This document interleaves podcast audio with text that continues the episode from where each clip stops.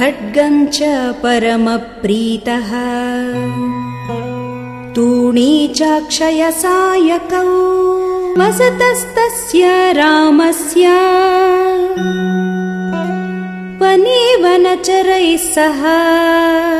ऋषयोऽभ्यागमन् सर्वे। वधाय सुररक्षसाम्।